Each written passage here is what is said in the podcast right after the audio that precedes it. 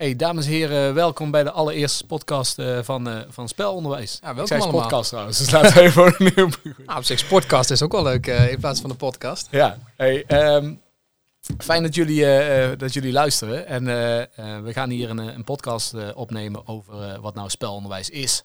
Um, en Thijs, vertel jij eens even wat nou eigenlijk weer spel voor jou is. Ja, Daan, spel voor mij is dat gevoel dat je aan het einde van een lekker potje zaalvoetbal het idee hebt dat het gewoon echt een, gewoon een lekker potje was. Hè? Dat je goed moe bent geraakt, dat je een gave paas hebt gegeven die perfect aankwam en die lekkere bal inging en dat je veel kameraadschap hebt gehad. Ja. Oké. Cool. Ja, spel. Ja, je kunt je echt jezelf helemaal verliezen. Ik vind spel vind ik, uh, vind ik geweldig. Winst en verlies. Uh, maar een potje gewoon uh, echt, echt vol ervoor kunnen gaan. maar ook gewoon de avond daarna gewoon weer ontzettend slecht zijn. En uh, dit is ongrijpbaar voor mij. En dat vind ik ook uh, zo gaaf om uh, te geven aan mijn, aan mijn studenten of te, te zien bij, bij, mijn, bij mijn leerlingen. Ja. Hey, hey, spel, hoe klinkt dat eigenlijk, spel? Laat mij eens luisteren hoe spel, dan gewoon, Ah, hoe spel gewoon klinkt. Dat gaan we doen dan. Nou, dat vind ik echt wel gaaf om te horen.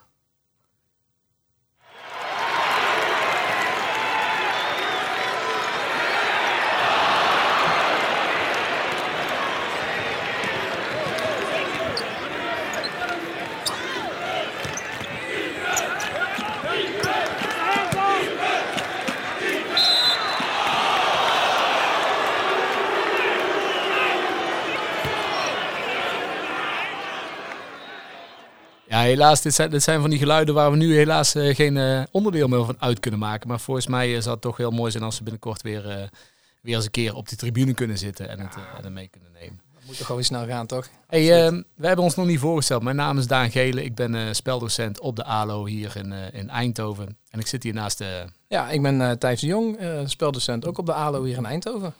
En uh, we gaan jullie eigenlijk uh, meenemen uh, in het didactisch model van Spelinzicht. Een geweldig boek dat is geschreven door onze collega's Enrico Zonder, Gwen Wildeburg en Frank de Kok. En te koop op bol.com trouwens. Dus als je er nog geen hebt, geen hebt dan, dan zoek het even op.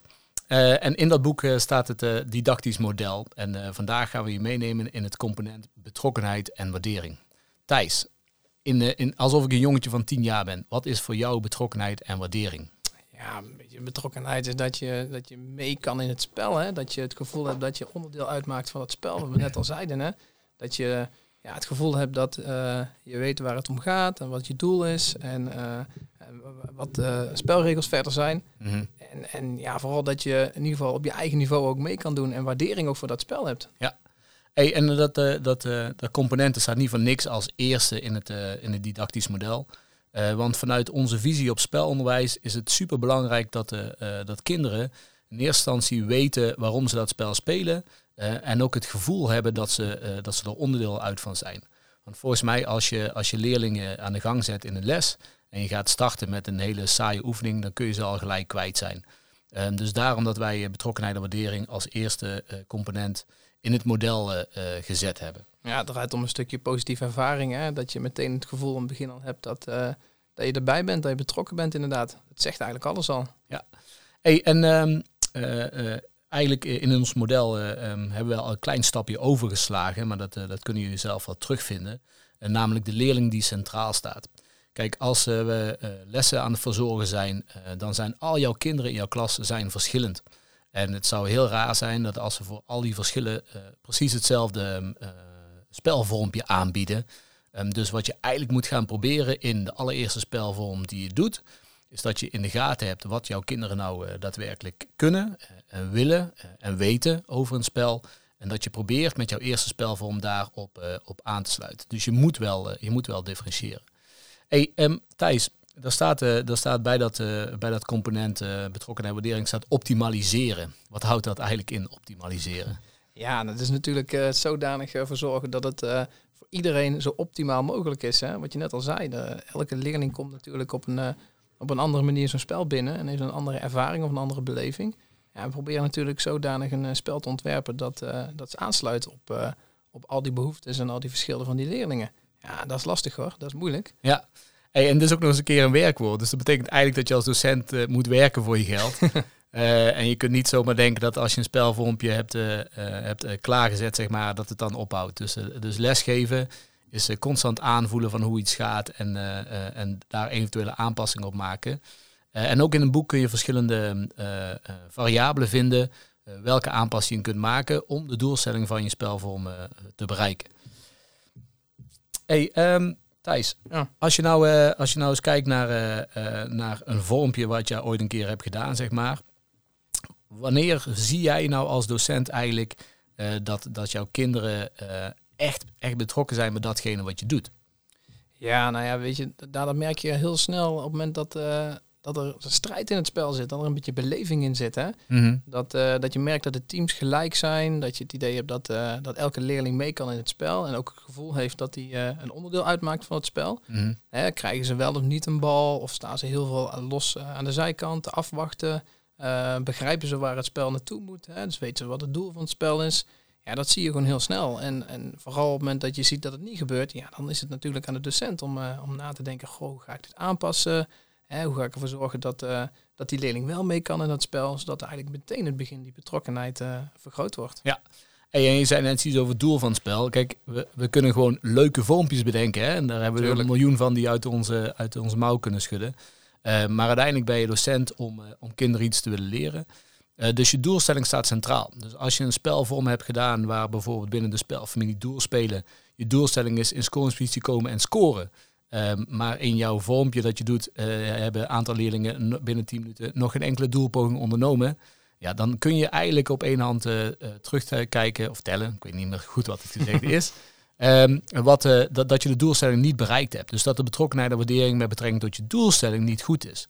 Misschien hebben ze heel vaak gepaast, maar dan is de vorm met betrekking tot betrokkenheid en waardering niet goed gekozen. Dus je moet er echt voor kiezen dat de vorm die je doet, Um, dat er dan, eh, stel dat mijn doelstelling wederom als zelfzelfde voorbeeld in, doel, in scoringspositie komen en doel is, uh, dat ze dan dus in die vorm binnen 10 minuten vaak in scoringspositie zijn gekomen en gedoeld hebben. En dus veel uh, betekenisvolle leerervaringen op hebben gedaan. Ja, dat is echt wel een mooie, Daan. Dat betekenisvolle. Hè? Hoe, hoe zie jij dat dan in de praktijk?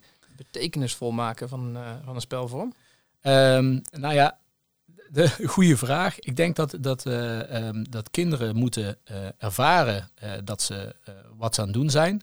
dat kun je op verschillende manieren bereiken. door bijvoorbeeld alleen al de doelstelling of de speluitdaging op het bord te schrijven. Van vandaag gaan we hier aan werken.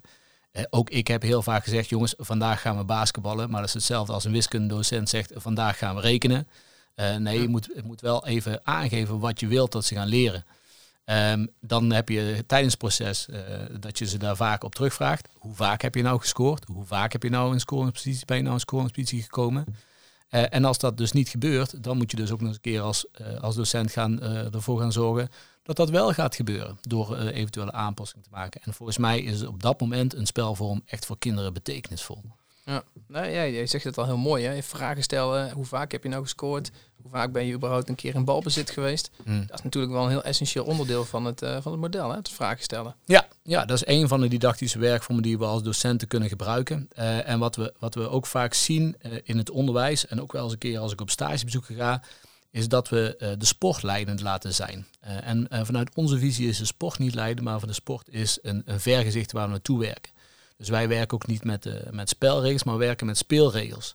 Dus simpel gezegd, weer even als voorbeeld, als in scoringspositie komen en doelen bij ons uh, de doelstelling is om te, uh, om te spelen, dan kan het best zo zijn als ik basketbal, dat de bal niet door de ring moet, maar dat die bijvoorbeeld op de ring dat dat al één punt is en dat die bijvoorbeeld door de ring dat dat twee punten waard is. Ja. Of wat je ook zou kunnen doen, is dat je in je spelvorm dat je een vrije zone maakt vanuit welke plek een student vrij kan doelen. Om zodanig je vorm aan te passen aan datgene wat je wil bereiken. Uh, en um, te vaak zien we nog wel dat, uh, dat er gekeken wordt, oké, basketbal, dat is bijvoorbeeld 5 tegen 5.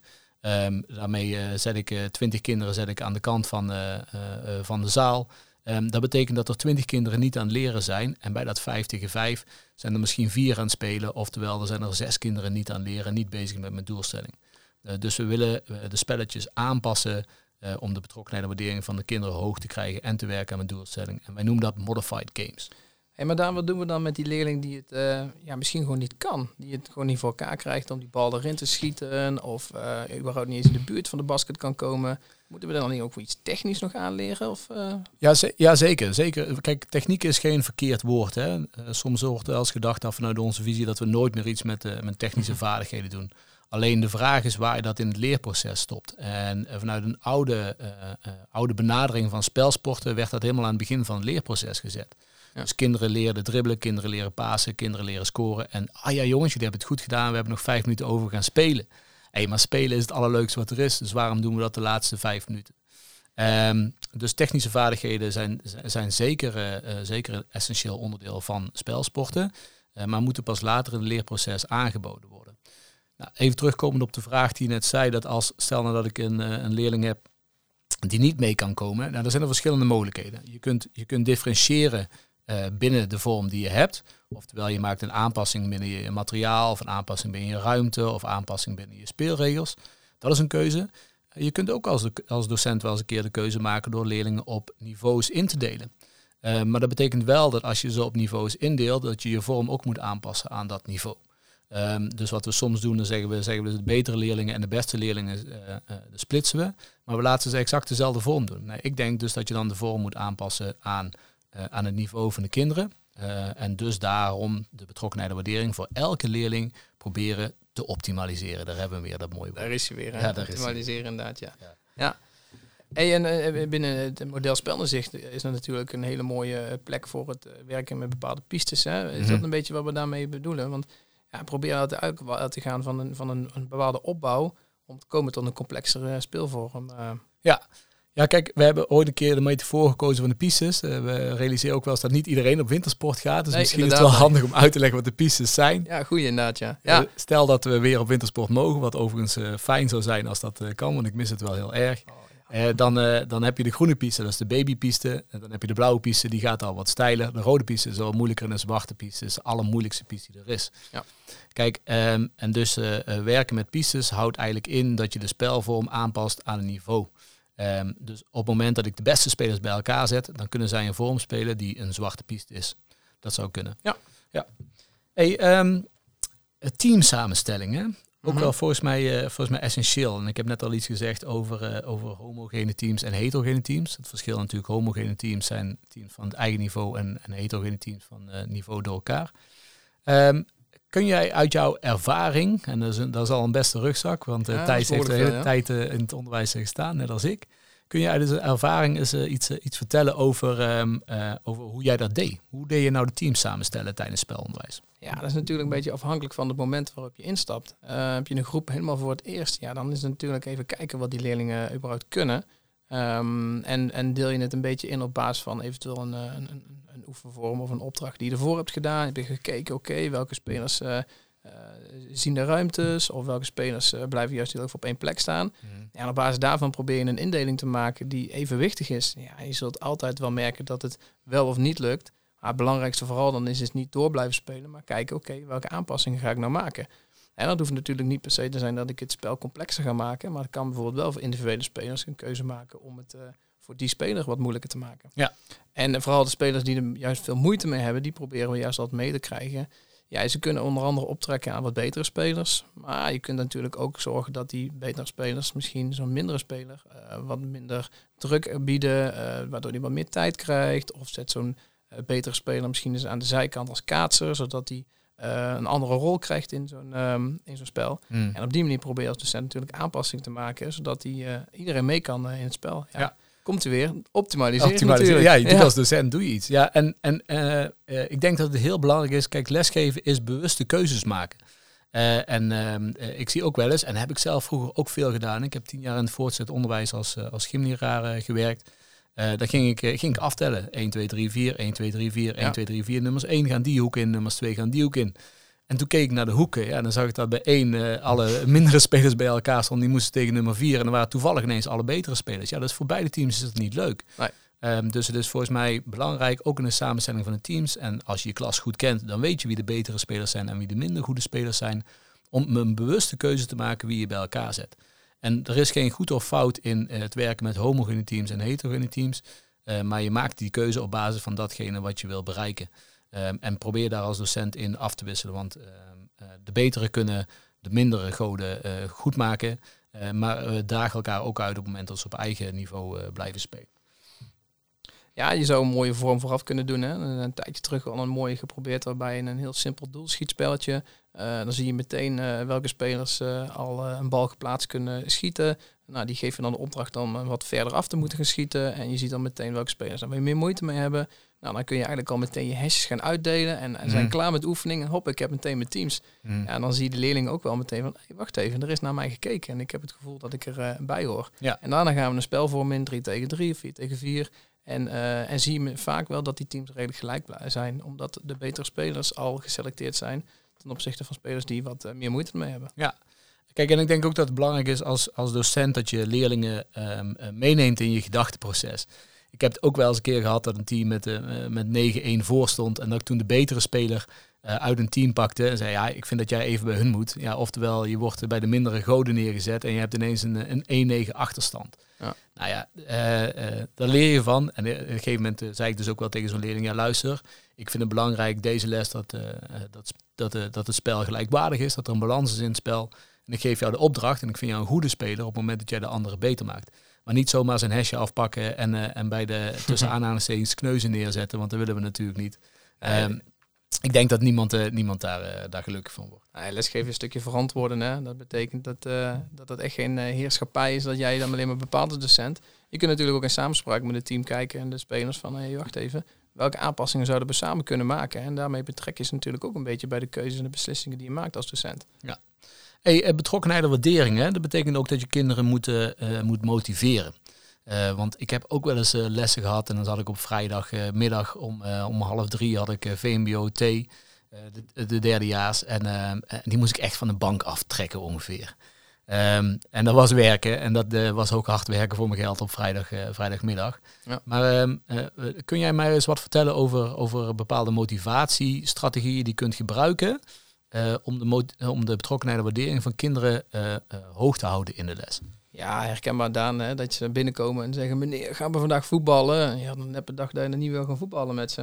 Ja, dat is natuurlijk een goede Daan. Inderdaad, ik denk dat er een stukje betrokkenheid ook zit in het samenspraak. Een stukje autonomie. Hè? Dus samen met de leerlingen eventueel de optie zetten. Nou jongens, ik heb vandaag deze vormen. met welke vorm zullen we zo meteen eens gaan beginnen? Mm Dat heb ik wel eens gedaan. En dan zie je dat leerlingen dat toch wel ja, goede keuzes samen kunnen maken. En uiteindelijk dan toch starten met het gevoel van, hé, hey, wacht even, wij hebben deel uitgemaakt van de beslissing om met deze vorm te beginnen. En dat, uh, dat helpt ook heel erg. Wat vaak ook wel heel goed helpt, is, uh, is dat als ze binnenkomen er al een hele hoop klaar staat. Ja. Dat ze meteen al geprikkeld worden, het idee hebben, wat gaan wij vandaag doen? Ja. En vooral daarin ze uit te dagen, um, want dat is wat ze vaak nodig hebben. Uh, maar net zo genoeg uitgedaagd dat het niet gefrustreerd is dus dat je inderdaad nadenkt over, oké, die mindere speler moet ook mee kunnen bij deze vorm. Mm Ja, desnoods betekent dat misschien twee keer uitzetten en uh, misschien op andere niveaugroepen gaan werken. Maar het zit dan vooral in die stukje uitdaging, betrokkenheid uh, creëren door een stukje autonomie. Um, ja, en god, er zijn ook wel heel veel leuke manieren om de verbondenheid uh, tussen die spelers te optimaliseren. Ja. ja. Nou, ik wil het wel even nog hebben over jouw organisatie die je net zei. Kijk, um, eigenlijk iedereen weet hoe groot zijn zaal is uh, en wat voor materialen die heeft of welke ruimte die op het veld heeft, zeg maar. Ja. En um, de fout die ik soms zie die, eh, die gemaakt wordt, is als we een klas van, uh, van 28 leerlingen hebben, wat in het, uh, in het onderwijs redelijk normaal is, zeg maar, ja. dat we dan de keuze maken om al die 28 leerlingen in die zaal te zetten. Om er aan de gang te gaan. Dus ik heb dan vier veldjes waar ik 3 tegen 3 speel. Nou, dan heb ik er 24 aan de gang. Maar die zaal heeft die ruimte helemaal niet. Dus moet je volgens mij om uh, de leerprocessen van de kinderen uh, te optimaliseren, daar hebben we het, woord, hebben we het, woord, van, hebben we het woord van de dag, um, moet je keuzes maken om bijvoorbeeld op drie veldjes 3 tegen 3 te spelen en met uh, intensieve wisselmethodes of met bijvoorbeeld vrije zones waar kaatsers staan. of bijvoorbeeld een observatieopdracht die ze uit moeten voeren en daarna de ander ook moeten doen, zodat de leren, zodat de leren aan de gang blijft, zeg maar. Maar niet zomaar de keuze maken om in je organisatie iedereen aan de gang te zetten. Want dat betekent niet dat iedereen aan het leren is. Je moet je voorstellen, er zijn veel uh, van de luisteraars die voetballers uh, zijn. Uh, Zo'n veld is gemaakt voor 11 tegen 11. Maar als we op dat veldje 25 tegen 25 zouden gaan spelen, dan ontstaat er een heel ander spel. Ja. En dan bereik je dus niet datgene wat je volgens mij wil bereiken dat hebben ze ooit een keer mooi gedaan. Hè? Ik heb me dat filmpje herinnerd van die kinderen die dan uh, op hun uh, niveau moeten spelen op een heel groot doel. Ja. En uh, alles uitvergroot is in ja. de beleving van hun. Ja, dat is schitterend. En dan zul je vooral zien dat er misschien één of twee kinderen bezig zijn en de rest inderdaad niet. Nee, ik wil terugkomen op dat puntje en misschien ook wel een mooie afsluiting inderdaad. Ehm, het zit hem eh, ook inderdaad in niet alleen spelen, maar juist vanaf de zijkant toekijken en op een bepaalde manier ook betrokken zijn met Mhm. wat er gebeurt in het spel. Ja, er zitten ook enorm veel leermomenten in natuurlijk. Hè? En dat hoeft natuurlijk niet per se altijd in een rol van een scheidsrechter te zijn of een coach. Maar juist ook door te kijken naar het spel leer je ook zelf weer wat de keuzes zijn die anderen maken in zo'n spel. Ja. En is het toch ook wel een stukje betrokkenheid en waardering die je daarmee, eh, daarmee stimuleert. Hey, eh, volgens mij kunnen we ongeveer afronden. We, zitten, we hebben vandaag eh, de allereerste podcast van Spelonderwijs opgenomen. Hoe vond je het gaan dan? Ja, ik vond het leuk. Ik Ja. vond het leuk. Ik denk dat dit een eh, mooie vervolg gaat, gaat krijgen. Dat denk ik ook. Want we hebben nu maar één component eh, behandeld, namelijk de component betrokkenheid en waardering. optimaliseren. En daar is die weer. En zoals jullie weten en kunnen zien in het boek Spelinzicht, zijn er meerdere componenten van een didactisch model die we zeker nog een keer gaan behandelen. En misschien zal dat hier zijn eh, met deze podcast en misschien op een andere manier. Maar we hopen jullie in ieder geval eh, snel weer eh, eens, eh, terug te zien. Ja. En eh, hopelijk in levende lijven zelfs. Dat denk ik ook. Daar laten we hopen dat het zo snel mogelijk weer kan. Dat zou fijn zijn. Hey Thijs, dankjewel voor deze, eh, voor deze opname. Jij ook dan, ja. En, eh, en we hopelijk eh, zien we jullie eh, snel weer. Tot ziens. Tot dan. Hoi hoi.